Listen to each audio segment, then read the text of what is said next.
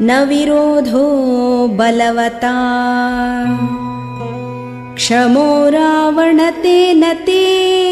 अनादृत्य तु तद्वाक्यम्।